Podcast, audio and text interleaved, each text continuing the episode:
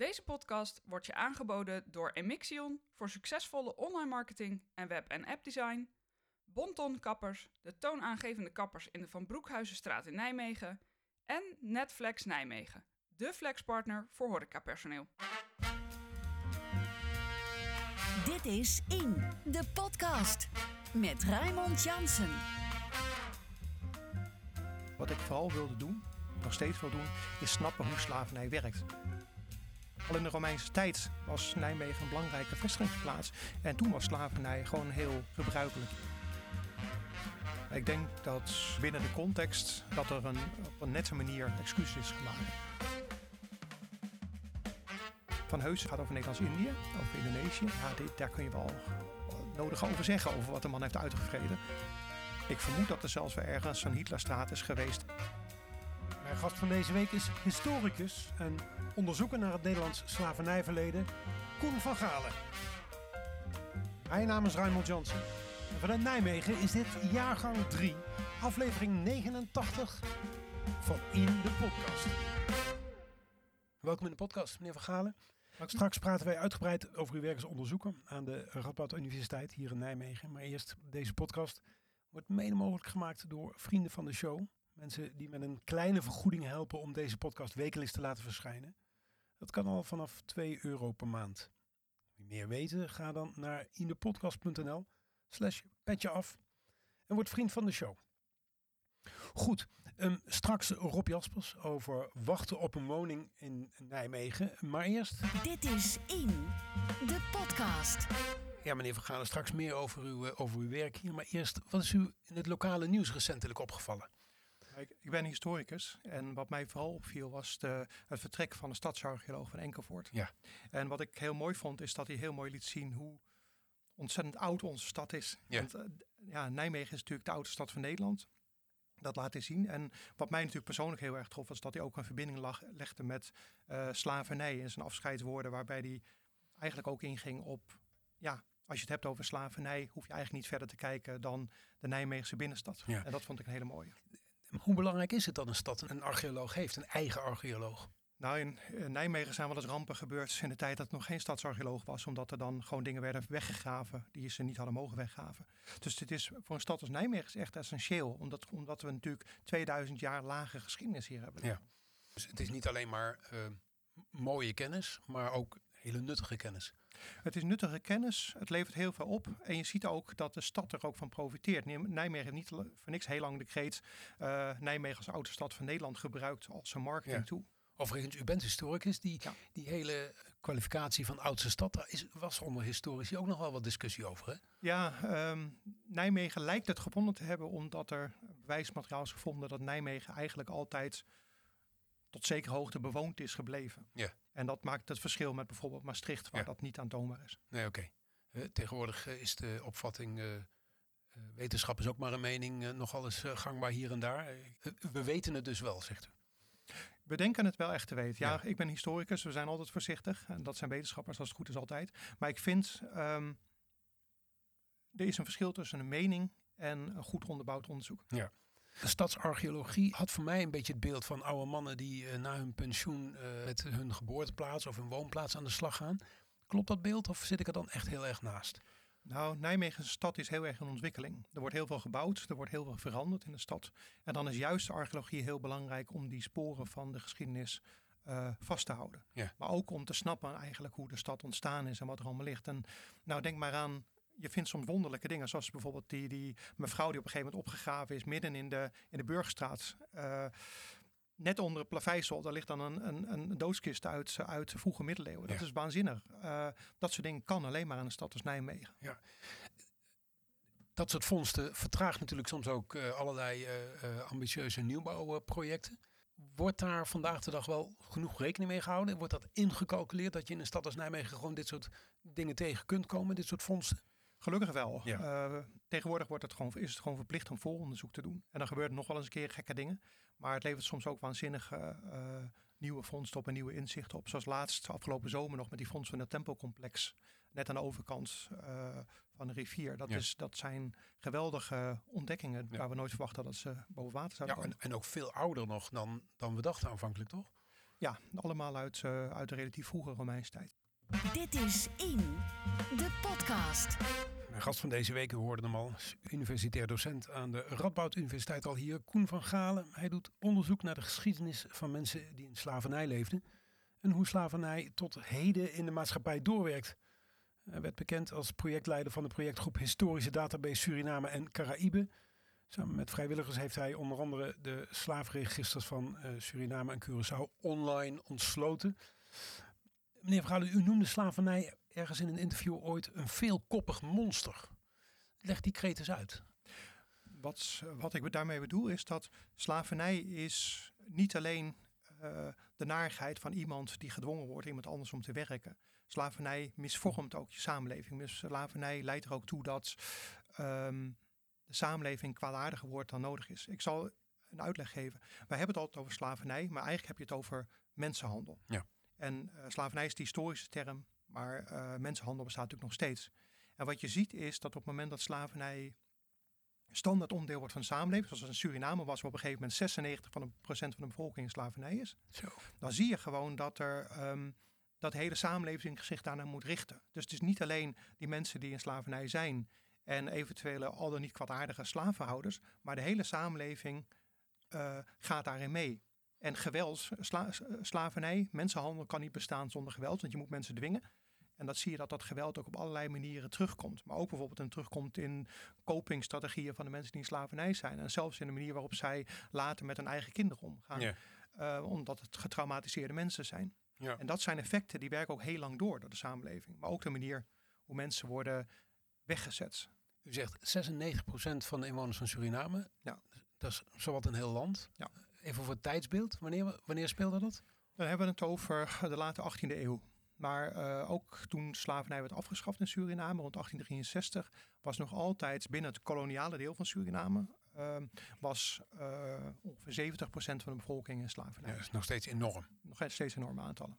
Ik heb me ooit door een bioloog laten vertellen dat je niet over DNA mag spreken als je niet weet wat het betekent als bioloog. Maar de, ik heb ook ergens gelezen, dat zit dus echt in die generatie van mensen. Die, die, die, die emotie en die angst en dat, dat gevoel van um, eigendom te zijn geweest. Nou, dat is een reden wat we um, bij onderzoeken met het project uh, Historisch Database van Suriname Curaçao. Niet alleen hoe slavernij werkte, maar ook hoe slavernij doorwerkt. Mm -hmm. En uh, die doorwerking is interessant. Daar wordt veel over gediscussieerd. Maar wat ik eigenlijk wil snappen is, wat gebeurt er daarna ook? En daar zie je eigenlijk al twee dingen optreden. Eén is dat ook mensen na slavernij nog steeds niet serieus gewoon volwaardig gezien worden als medemensen. Dus omdat zij zwart zijn, omdat ze in slavernij hebben geleefd, worden ze nog steeds als minderwaardig beschouwd en ook zo behandeld door de overheid. En dat leidt natuurlijk, dat werkt door in economisch opzicht. Mensen kunnen niks opbouwen. Ook omdat ze geen geld, niks hadden toen ze vrijkwamen. Maar wat je ook ziet is dat er um, de onderdrukkingsmechanismen uit slavernij kunnen heel lang uh, doorwerken. Mensen houden niet op met slaan in 1863. Nee. Ook daarna gebeurt dat nog. En je ziet dat ook in de manier waarop uh, familiesystemen werken in Suriname bijvoorbeeld. Dat uh, relatief heel veel uh, huiselijk geweld en dergelijke plaatsvindt, nog steeds. En de vermoeden is dat dat een doorwerking is. Ja, ja omdat mensen al generaties lang geconfronteerd zijn met geweld, wordt dat, zeg ik dan maar even heel eenvoudig, um, toegankelijker binnen gezinnen. Uh, toegankelijker is een gevaarlijk woord. Maar wat je in ieder geval ziet, en dat, nou ga ik even af op mijn, wat mijn collega's bij psychologie en dergelijke vertellen. Op het moment dat er trauma's zijn in families, mensen, mensen die in slavernij zijn, zijn getraumatiseerde mensen. Op het moment dat zij vrijkomen en er mag niet meer worden over gepraat, want het is al verleden tijd en we gaan verder. En het is ook iets waar mensen zich voor schaamden. Dan zie je dat het uh, blijft doorsluimeren in hoe mensen met elkaar omgaan. Uh, maar ook de, het idee dat ze op een bepaalde manier minderwaardig zijn omdat zij uit slavernij afkomstig zijn, omdat ze een kleurtje hebben, uh, weer kan doorwerken in hoe families uh, functioneren. Natuurlijk niet bij iedereen zo, hè? Nee. Maar, maar dat gebeurt wel uh, met regelmaat. Nog niet zo lang geleden maakte premier Rutte namens de Nederlandse staat zijn excuses. hij deed dat, ik citeer even, postuum aan alle tot slaafgemaakten die wereldwijd onder dat handelen hebben geleden, aan hun dochters en zonen en al hun nazaten tot in het hier en nu. Er was natuurlijk heel goed nagedacht over die formulering. Uh, is die compleet genoeg wat u betreft? Um, er zal altijd kritiek op zijn. Ik denk dat uh, binnen de context um, dat er een, op een nette manier excuses is gemaakt. Ja. Ik denk ook dat er serieus werk vanuit gema- is gemaakt vanuit de overheid. Eh, wat ik natuurlijk wel meteen afvraag, wat gebeurt er daarna met die excuses? Want excuses, zoals iedereen weet, werken niet alleen maar als je ze maakt, maar je moet er ook iets mee doen. Ja. Ehm, maar ik denk dat dit wel een goede stap is geweest. Ja. Ja. Er zal altijd kritiek zijn, zegt u. Wat, voor, wat voor kritiek is er? Ehm, nou, het ligt, ligt natuurlijk aan, waar je, aan wie je het vraagt. Maar er was natuurlijk vrij veel kritiek vooraf van... kan de Nederlandse overheid min of meer opleggen dat er nu excuses worden aangeboden? Ehm, want dat voelt toch als een soort herhaling van zetten waarbij Ja. Nederland bepaalt. Het proces, zeg het maar. proces, Ja. eh dat las dat moeilijk. Er zullen ongetwijfeld mensen zijn die zeggen... ja, maar er was ook slavernij in Nederlands-Indië. Er was ook slavernij in andere gebieden die eerder onder Nederlands gezag waren. Zoals Zuid-Afrika of Guyana. Ehm, dus daar, zal- die kritiek zal er zeker zijn. Ja. U bent als witte man begonnen aan het onderzoek. Ehm, een onderzoek dat heel erg veel mensen van kleur betreft. Heeft dat nog voor ruis gezorgd? Ehm, nee, ik ben er altijd heel open in geweest. Eh, ik weet dat ik een witte man ben. En Ja. eh, het is niet mijn eh, bedoeling, en dat is denk ik wel belangrijk, om mensen te dwingen om op een bepaalde manier naar slavernij te kijken. Wat ik vooral wilde doen, en nog steeds wil doen, is snappen hoe slavernij werkt. Ja. En, en dat gaat ook breder. Vandaar dat ik zo getriggerd was door dat verhaal van de stadsarcheoloog. Eh, dat gaat ook breder dan Suriname alleen. Ik ben zelf gepromoveerd in de oudheid. Dus ik ben eigenlijk ken de geschiedenis van de Romeinse tijd goed. Ehm, en ik weet natuurlijk dat slavernij daar ook een rol speelde. En wat je daar ziet is eigenlijk de mechanismen die achter slavernij zitten. Ja. Want het wordt nu gekoppeld aan racisme. En dat is logisch voor de transatlantische slavernij. Dus de Mhm. slavernij in Suriname en Curaçao. Maar wat je eigenlijk veel meer ziet is dat ehm, slavernij altijd bestaat als een groep is die meent dat andere mensen overheerst mogen worden. En de overheid op een of andere manier die zwakkere groep niet in bescherming neemt. Ja. En, en dat was natuurlijk in de Romeinse tijd ook. En dan moeten er ook nog excuses worden bedacht waarom je iemand mag overheersen. Ja, ja. En die uitsluitingsgronden, in dit geval is dat racisme geweest. Dus mensen uit Afrika, maar ook mensen uit Indianen bijvoorbeeld, die in Ja. slavernij werden gebracht. Maar in de Romeinse tijd was dat vaak schuldslavernij of mensen die gevangen waren genomen in oorlogen. Ja, dan had je het verbruikt, dan was je geen vrij mens meer, dus dan kon je verkocht worden. Ja. Dus dan op die manier worden mensen gekleineerd. Ja. En die kleinering die zie je overal in slavernij. En dat is wat mij zo fascineert aan slavernij. In het geval van Suriname is dat natuurlijk heel nadrukkelijk gekoppeld aan, aan kleur. Ja. U bent begonnen met het eh, ontsluiten van het eh, register van Suriname. Daarna eh, Curaçao. Nou, de, het register van Curaçao staat ook online Ja. sinds eh, 2020. En we zijn nu eigenlijk een stap verder aan het maken. Omdat we, kijk, de wereld houdt niet op voor mensen in 1863 als de slavernij wordt afgeschaft. En we willen, wat ik al zei, we willen snappen wat daarna gebeurt. Mhm. Dus we zijn nu met een project bezig met heel veel vrijwilligers ook weer. Om de burgerlijke stand van Suriname en Curaçao ook online beschikbaar te maken. Zowel voor onszelf, voor onderzoek. Maar vooral ook natuurlijk zodat iedereen zelf kan kijken. Want dat vind ik heel belangrijk. Ja. En eh, als er luisteraars zijn die mee willen doen, eh, HDSC, Source Database Suriname uh, Caribe, .ning, N-I-N-G.com, hdsc.ning.com. Ja. Dus meld u aan. Wij, zijn, wij willen heel graag nog vrijwilligers bij. Ik, zal de website eh, ook noemen in de show notes van deze aflevering. Bedankt. Ehm, u noemde net eh, ook met reden eh, bijvoorbeeld voormalig Nederlands-Indië. Eh, zou dat een vervolgstap kunnen zijn in dit onderzoek? Nou, we zijn nog met een onderzoek bezig om te kijken wat daar nog is. Want daar waren namelijk ook slavenregisters. Alleen eh, weten we inmiddels dat die weer heel erg fragmentarisch zijn. Dus er Ja. zijn wel resten van. Ehm, en daar willen we ook wel over publiceren. Maar er komt waarschijnlijk niet een database van op de manier zoals we dat van Nee. Suriname of Curaçao kunnen, hebben kunnen maken. Omdat die zijn, daar zijn ze bijna compleet. Ja, ah, oké. Even uw persoonlijke interesse. Kijk, u heeft eh, een wetenschappelijke eh, interesse in dit onderwerp. Ehm, is het ook iets wat u als persoon boeit? Ehm, nou, mijn drijfveer bij onderzoek is altijd om te snappen hoe, hoe samenlevingen werken. Hm. In dit geval een samenleving met slavernij en de doorwerking daarvan. Maar eh, mijn persoonlijke drijfveer is vooral, heeft te maken met rechtvaardigheid. Ik vind dit een hele onrecht... Slavernij is een heel onrechtvaardig eh, systeem uiteraard. En ehm, wat ik mij vooral heel erg triggerde aan het begin al meteen al... dat deze bronnen gewoon niet beschikbaar waren Nee. voor niemand. Nee. Dus voor iedereen die onderzoek deed naar zijn voorouders in, of haar voorouders in, in Suriname of in Curaçao, daar liep de grens dood in 1863. Ja.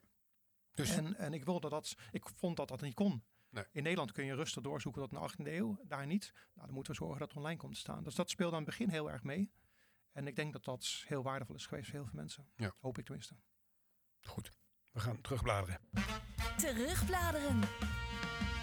Zo is dat. Terugbladeren de oude kranten. Op zoek naar nieuws, Rob, dat altijd actueel blijft. En helaas is het actueel. Wachttijden voor een woning. Wachttijden voor een woning, ja, we schrikken daarvan. Bouwen, Eh, bouwen, bouwen. Bouwen, bouwen, bouwen. De, de, de wachttijd is opgelopen, werd eh, gemeld in de stad Nijmegen met twee maanden. Ik geloof naar een eh, kleine twee jaar, geloof ik. eh, of 18 maanden, ik weet het even niet precies. Maar wel weer, weer toename. En dan hebben we er schrik van, van hoe kan dat, et cetera. Maar toch bij dat terugbladeren, eh, even in 1995, hè, is er wel heel lang geleden. Toen was de wachttijd 32 maanden Zo.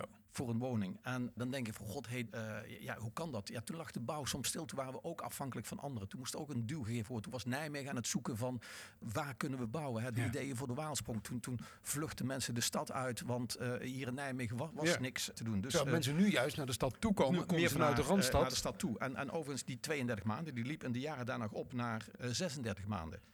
En iets wat sowieso een probleem was, er was toen geen onderscheid tussen een, eh, een, een starter op de woningmarkt, een jonger op de woningmarkt of iemand die van eh, hogere leeftijd van een woning doorstroomde. Dus het, met, met name voor, voor starters was het echt eh, dramatisch. Ja. En dat, dat denk je van god, in 96, van, hoe lang duurde dat? Want nu wordt ook gezegd, we gaan bouwen, bouwen, bouwen. Nou, in 2003 zat de markt, dus is weer acht jaar later, hè, Ja. zat de markt nog steeds helemaal muurvast. Toen was zelfs in Arnhem de wachttijd vier jaar geworden op een, op een woning. Maar ook in Nijmegen was het een crime. Dat zat lager dan in Arnhem. Het was gewoon een, een crime. En in 2006 was er een, een, een, SP-raadslid die riep, in een, riep op in een opiniebijdrage... een deltaplan voor het wonen moet er komen. Er Ah. stonden decreten bouwen, bouwen, bouwen.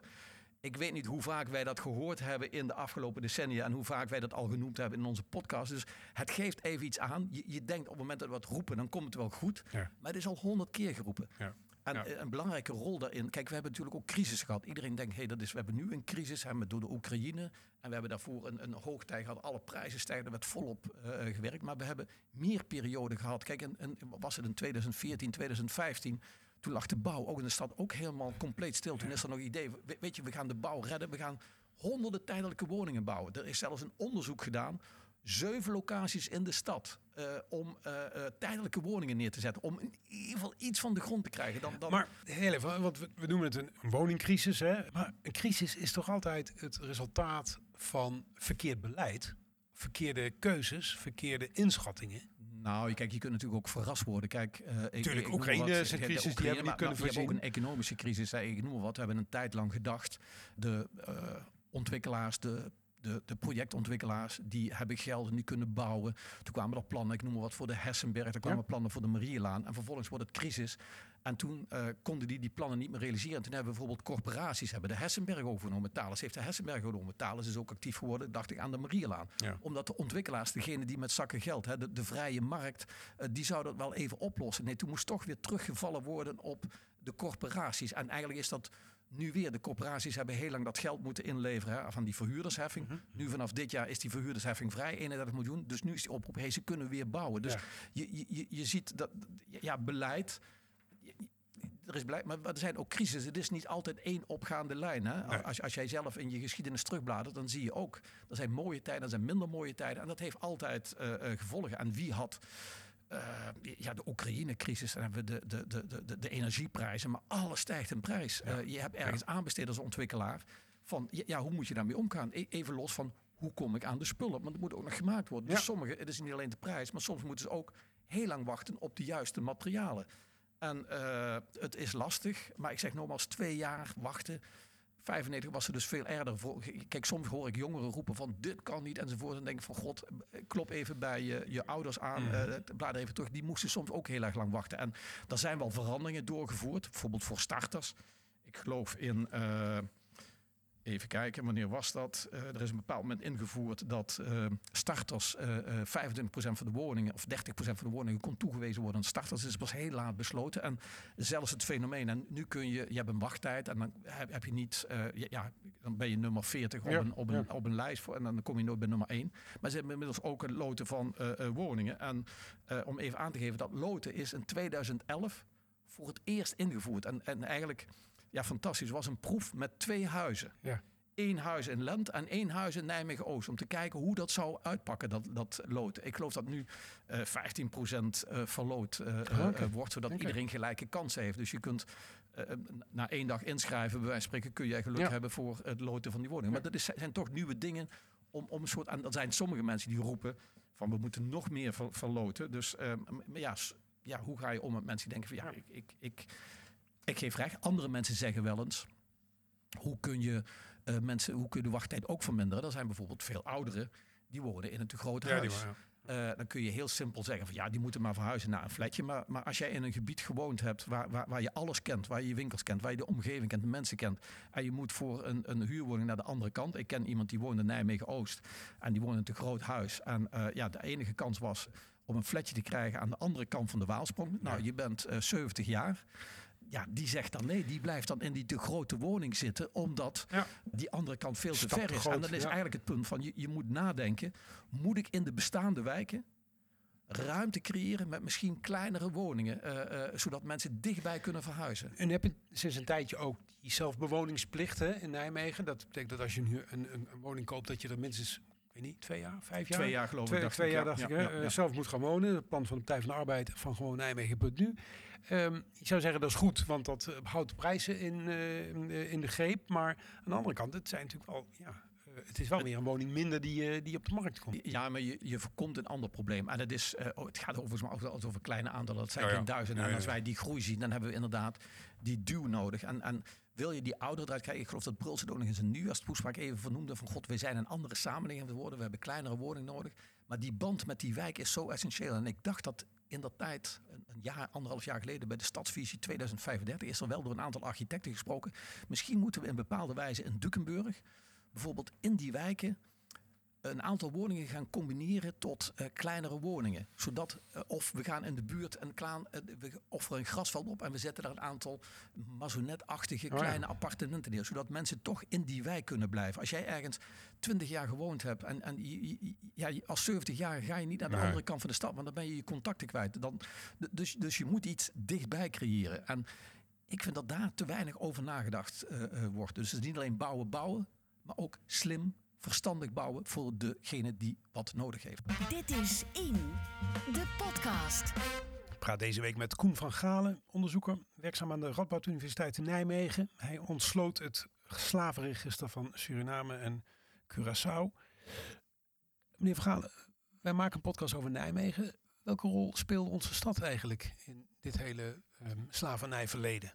Als je slavernij heel ruim rekent, dan is die best groot natuurlijk. Want eh, al, nou ja, al in de Romeinse tijd was Nijmegen een belangrijke vestigingsplaats. Ja. En toen was slavernij gewoon heel eh, gebruikelijk iets. Ja. En dat is eigenlijk nog heel lang zo gebleven. Tot in de middeleeuwen zie je overal in, in Nederland en ook in Nijmegen zie je slavernij langskomen. Ja, het is een eh, soort uh, aloude business case, zou Ja. een beetje En, en dat is ook, ik, ik leg dat ook altijd aan studenten uit. Want je denkt al heel snel alleen maar aan transatlantische slavernij aan de 18, 17, 18, 19e eeuw. Mhm. Maar slavernij is iets wat altijd heeft bestaan. Een van de dingen, er is een onderzoek geweest in 2018. Toen bleek dat er ongeveer 30.000 mensen in Nederland op dit moment in illegale vormen, uiteraard illegale vormen van slavernij zijn. Ja. Mensenhandel. Ja. En uh, als je bedenkt dat Nijmegen 1% van de Nederlandse bevolking binnen haar gemeentegrens heeft, betekent dat op elk moment hier gemiddeld 300 mensen in een vorm van slavernij zijn. Ja. Uh, dat is iets wat mensen zich nooit realiseren. Slavernij is iets wat niet verdwenen is. Dat bestaat nee. nog steeds. Nee, dat manifesteert zich bijvoorbeeld in prostitutie, uh, dat soort branches, zullen we zeggen. Hè? Andere vormen? Ja, pro, uh, inderdaad uh, vrouwenhandel, maar ook ja. bijvoorbeeld in handel in bruiden. Dus uh, ja. aankoop van mensen voor huwelijken. Mensen die illegaal bijvoorbeeld in landbouw of in bedrijf worden ingezet. Er ja, zijn voorbeelden geweest van mensen die gedwongen werden, eh, letterlijk vastgeketend zaten in restaurants om daar te koken. Ja, oh wow. Dat soort dingen. Ja.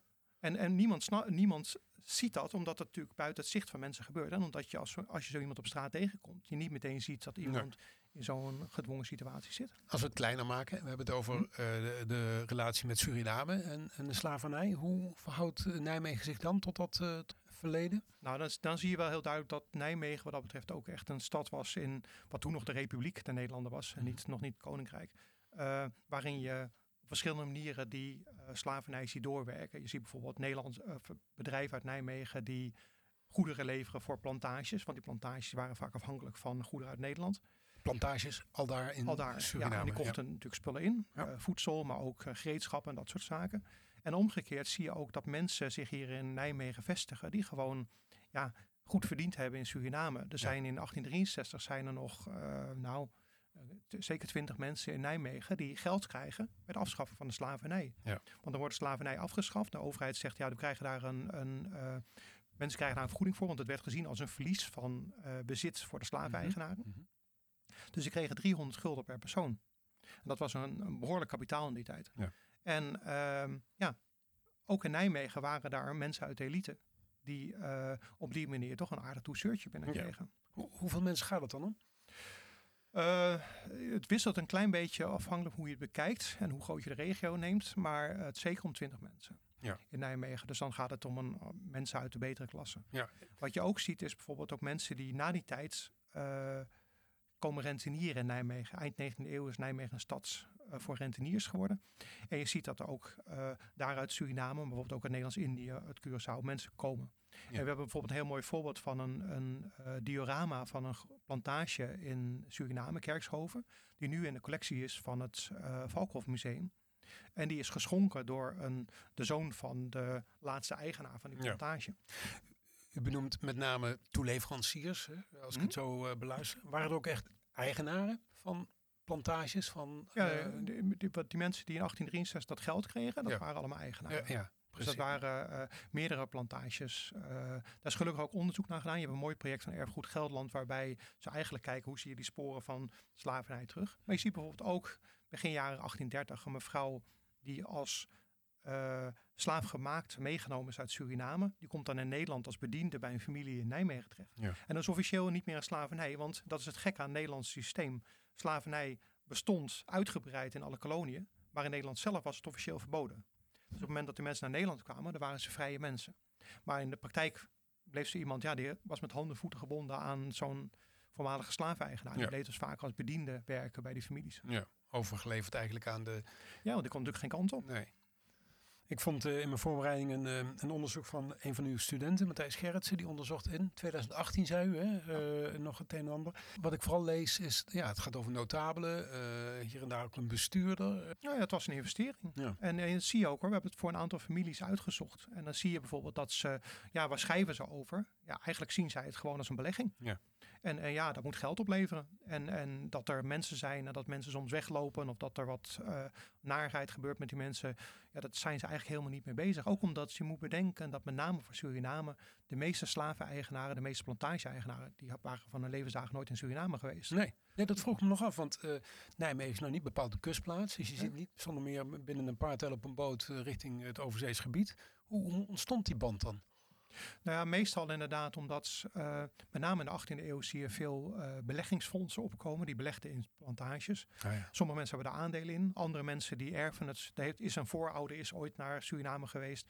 En dat zie je onder andere, maar dat is niet in Nijmegen, maar in Arnhem met uh, plantage Vossenburg. En die families die daar gekoppeld zijn, nou, die zitten in de 19e eeuw allemaal in het provinciaal bestuur in Gelderland. Ja. En hebben allemaal aandelen uh, in die plantages. Ja. Maar ze zijn, ook die zijn nooit in Suriname geweest. Afgelopen jaren is er natuurlijk veel discussie geweest over bijvoorbeeld uh, standbeelden van uh, onze oude helden en, en, en straatnamen. In Nijmegen bijvoorbeeld van Heusstraat. Hoe kijkt u naar die discussie over of je dat soort vernoemingen vandaag de dag nog kunt verantwoorden? Nou, als historisch vind ik het natuurlijk een hele boeiende discussie. Um, ik vraag het u niet van niks. Nee, dat snap ik. Um, de, wat ik denk is, vinden wij het als samenleving nog verantwoord? Kijk, mm -hmm. uh, in de jaren 50 had je ook Stalinstraten. Nou, die zijn allemaal verdwenen. Ja. En ik vermoed dat er zelfs weer ergens een Hitlerstraat is geweest in de Tweede Wereldoorlog. Nou, die is natuurlijk heel snel opgedoekt. Mhm. Um, de vraag is wat wij nog acceptabel vinden. Ja. En uh, Van Heus is natuurlijk, gaat over Nederlands-Indië, over Indonesië. Um, ja, dit, daar kun je wel nodig over zeggen, over wat de man heeft uitgevreden. Ja. Uh, maar dat geldt natuurlijk ook voor een aantal van de zeehelden. Ja. Maar wat je nu ziet in die discussie is dat slavernij op zichzelf een soort lakmoesproef wordt.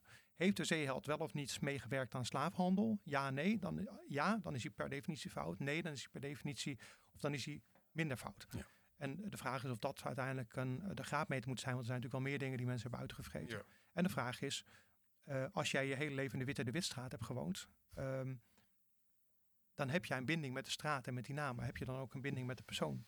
Dat maakt het altijd een lastige discussie. Vind ja, ik. Weet die, die Witte de Witstraat weet ik niet te vinden in Nijmegen. Misschien is hij door, maar dan ligt het aan mij. Ik weet er een Groesbeek in ieder geval alleen is. Um, die van Heusstraat. Ik hoor u niet meteen zeggen, we moeten stoppen met die namen. Nou, als het wordt gebruikt als verheerlijking, dan wel. En op het moment dat, dat er duidelijk is dat, we, uh, dat mensen echt fout zijn geweest, dan vind ik het een prima uh, idee om, om straten te vernoemen. Er staat bijvoorbeeld een heel groot standbeeld van Jan Pieterszoon Koen in Horen. Ja. Dat is een paar keer beklad. Nou, dat lijkt me een typisch standbeeld wat een mooi plekje moet vinden in het Openluchtmuseum. Als historisch fenomeen. Um, maar goed, dat is een kwestie uiteraard ook van hoe de gemeente en hoe de uh, bevolking daar daarover denkt. Ja, wat zou uw uh, advies zijn aan de gemeente Nijmegen als het gaat over weliswaar wat kleinschaliger uh, discussies, maar over dit soort namen? Ik denk, neem de discussie serieus en kijk of het, hoe het op te lossen is. Kijk, uh, naamsverandering van straat is, geeft ook heel veel gedoe voor heel veel mensen. Um, kost geld. Het kost uiteraard geld, maar je zou, kijk, soms kun je het ook oplossen door goede uitleg erbij te geven. Want soms staat er een uitleg bij, geen uitleg bij of een uitleg bij dat je denkt, ja, maar daar heb je niks aan. Um, en in sommige gevallen moet je inderdaad gewoon zeggen, nou, we moesten maar eens afscheid nemen van die persoon. Ja. Klinkt als een voorzichtig pleidooi om dat toch maar eens te gaan doen.